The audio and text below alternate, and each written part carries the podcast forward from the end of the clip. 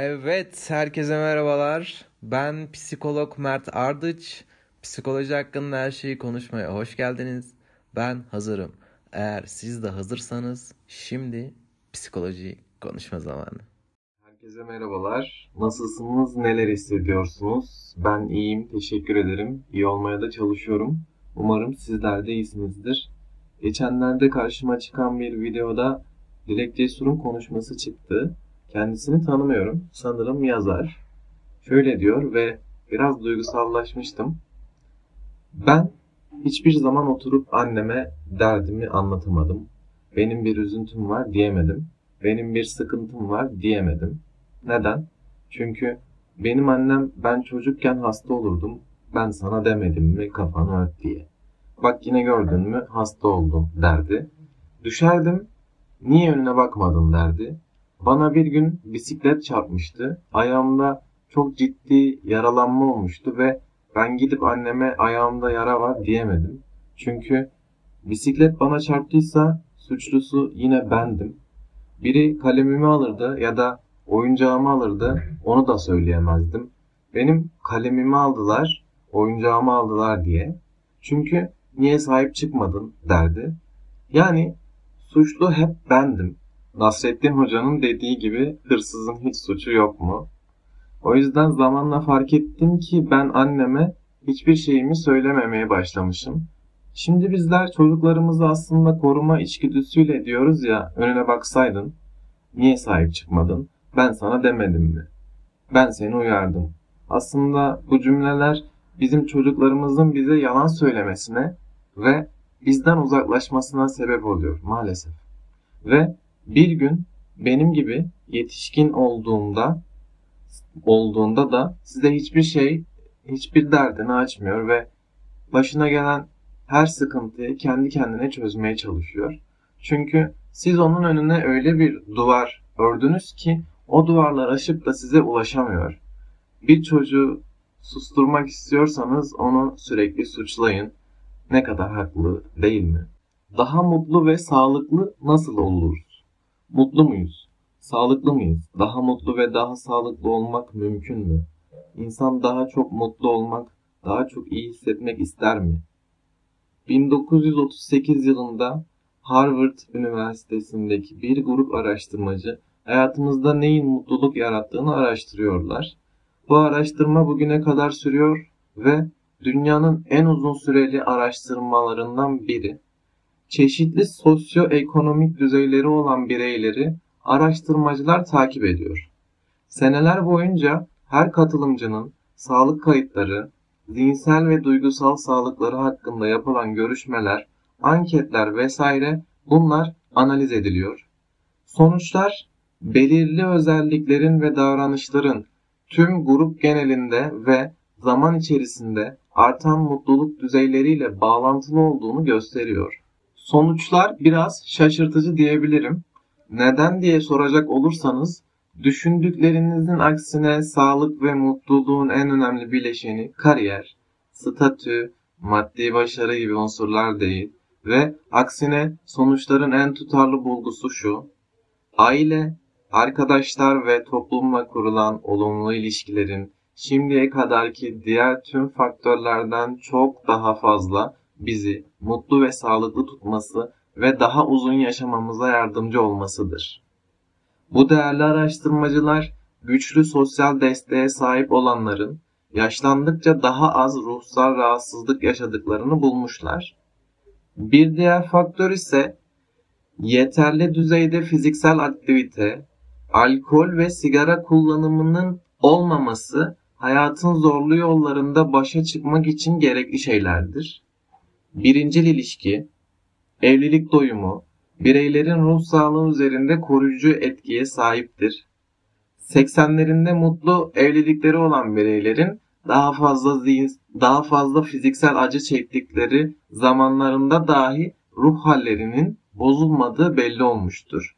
Ve mutsuz evlilikleri olan çiftler hem duygusal hem de fiziksel acıyı daha fazla hissederler.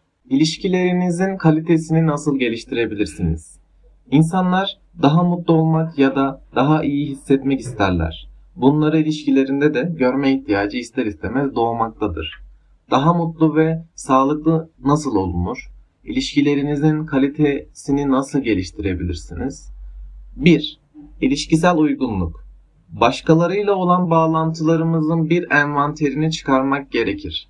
Yani sağlığımıza ve esenliğimize hizmet etmeye devam edip etmediklerini göz önünde bulundurarak onları değerlendirmek. İlişkilerinizde anlam ve değer var mı? Hangi ilişkilerinizin sizin için anlamı ve değeri bulunmakta? Yaşam kalitenize katkıda bulunuyor mu? Hangileri yaşam kalitenizi azaltır? Hangilerinin daha iyi olmasını istersiniz gibi. 2. Emniyet, güvenlik. Belirsiz kriz anlarında kimlere başvurma ihtiyacı hissedersiniz? 3. Öğrenme. Sizi deneyime açmaya, konfor alanınızın dışına çıkmaya, hedeflerinizi takip ettirmeye teşvik eden birileri var mı? 4. Duygusal yakınlık. Hayatın zorluklarında kime güvenirsiniz? Bu tarz durumlarda aradığınız kişiler kimler? Duygularınızı kimlere dürüst bir şekilde açıyorsunuz? 5. Kimlik onayı ve deneyimleri paylaşma. Kimler sizinle deneyimlerini paylaşıyor? Kim olduğunuza ve önceliklerinize dair duygunuzun güçlenmesine katkıda bulunan birileri var mı? 6. Romantiklik, yakınlık. Sizin hayatınızda sağlıklı bir romantik bağ ve yakınlık var mı? 7. Pratik yardım. Pratik sorunları çözmede kimden yardım talebinde bulunursunuz? 8. Eğlence. Sizi kim güldürür, bağlı ve rahat hissettirir? 9. Gülümsemek.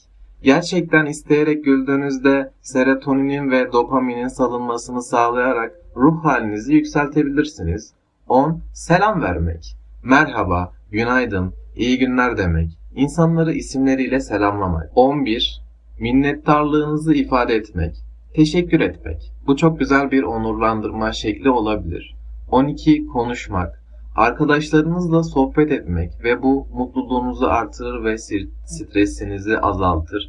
13. Dokunmak. Şefkatli bir dokunuşun fizyolojik ve duygusal faydaları olmaktadır. 14. İnsanları sevdiğinizde onlara bunu söylemek. Bunu doğrudan iletmek. Sevdiğiniz insanlara sevgi göstermek.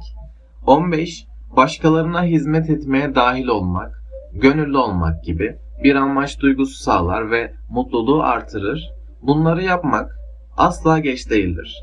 İlişkilerinizi zenginleştirmek, kaliteleştirmek, bağlantı kurma ve aktif olmanın çok fazla biyopsikososyal faydaları olmaktadır. Ömür boyu faydası olmakla beraber ömrünüzü, ömrünüzü de uzatır. Burada bahsedilen şeylerin tüm anlarının anlamı ve değeri vardır. Değerli vaktinizi paylaştığınız için teşekkür ederim. Bu arada sizlere en sevdiğim şiiri söyleyerek veda etmek istiyorum. Ben hayatı inişli çıkışlı bir yola benzetirim. Ve zorluklarıyla da güçlükleriyle de hayat her zaman devam ediyor. Ve hayat hep galip. Hayat yaşamaya değer. Ve hayat şakaya gelmez.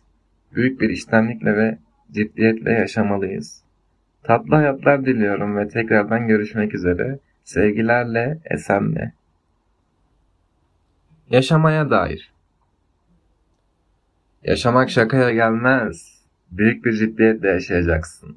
Bir sincap gibi mesela. Yani yaşamanın dışında ve ötesinde hiçbir şey beklemeden. Yani bütün işin gücün yaşamak olacak. Yaşamayı ciddiye alacaksın. Hem de o derecede öylesine ki mesela kolların bağlı arkadan, sırtın duvarda yahut kocaman gözlüklerin, beyaz gömleğinle bir laboratuvarda insanlar için ölebileceksin. Hem de yüzünü bile görmediğin insanlar için. Hem de hiç kimse seni buna zorlamamışken. Hem de en güzel, en gerçek şeyin yaşamak olduğunu bildiğin halde. Yani öylesine ciddiye alacaksın ki yaşamayı, yetmişinde bile mesela zeytin dikeceksin. Hem de öyle çocuklara falan kalır diye değil. Ölmekten korktuğun halde ölüme inanmadığın için. Yaşamak, yani ağır bastığından. Diyelim ki ağır ameliyatlık hastayız. Yani artık o beyaz masadan hiç kalkmamak ihtimali de var. Duymamak mümkün değilse de biraz erken gitmenin kederini biz yine de güleceğiz anlatılan Bektaş fıkrasına. Hava yağmurlu mu diye bakacağız pencereden. Yahut da yine sabırsızlıkla bekleyeceğiz en son ajans haberlerini. Diyelim ki dövüşülmeye değer bir şeyler için, diyelim ki cephedeyiz. Orada daha ilk, ilk ucumda daha o gün yüzü koyun kapaklanıp ölmek de mümkün. Tuhaf bir hınçla bileceğiz bunu. Fakat yine de çıldırasıya merak edeceğiz belki de yıllarca sürecek olan savaşın sonunu. Diyelim ki hapisteyiz. Yaşımız da 50'ye yakın. Daha da 18 sene olsun açılmasına demir kapının. Biz yine de dışarıyla beraber yaşayacağız. İnsanları, hayvanları, kavgası ve rüzgarıyla yani duvarın arkasındaki dışarıyla. Yani nasıl ve nerede olursak olalım hiç ölünmeyecekmiş gibi yaşanacak. Bu dünya soğuyacak. Yıldızların arasında bir yıldız hem de en ufacıklarından mavi kadifede bir yıldız zerresi yani bu koskocaman dünyamız. Bu dünya soğuyacak günün birinde. Hatta ölü bir bulut yahut bir buz yığını gibi de değil. Boş bir ceviz gibi, gibi yuvarlanacak zifiri karanlıkta uçsuz bucaksız. Şimdiden acısı çekilecek bunun. Duyulacak mahzunluğu şimdiden. Böylesine sevilecek bu dünya yaşadım diyebilmen için. Yaşadım diyebilmen için.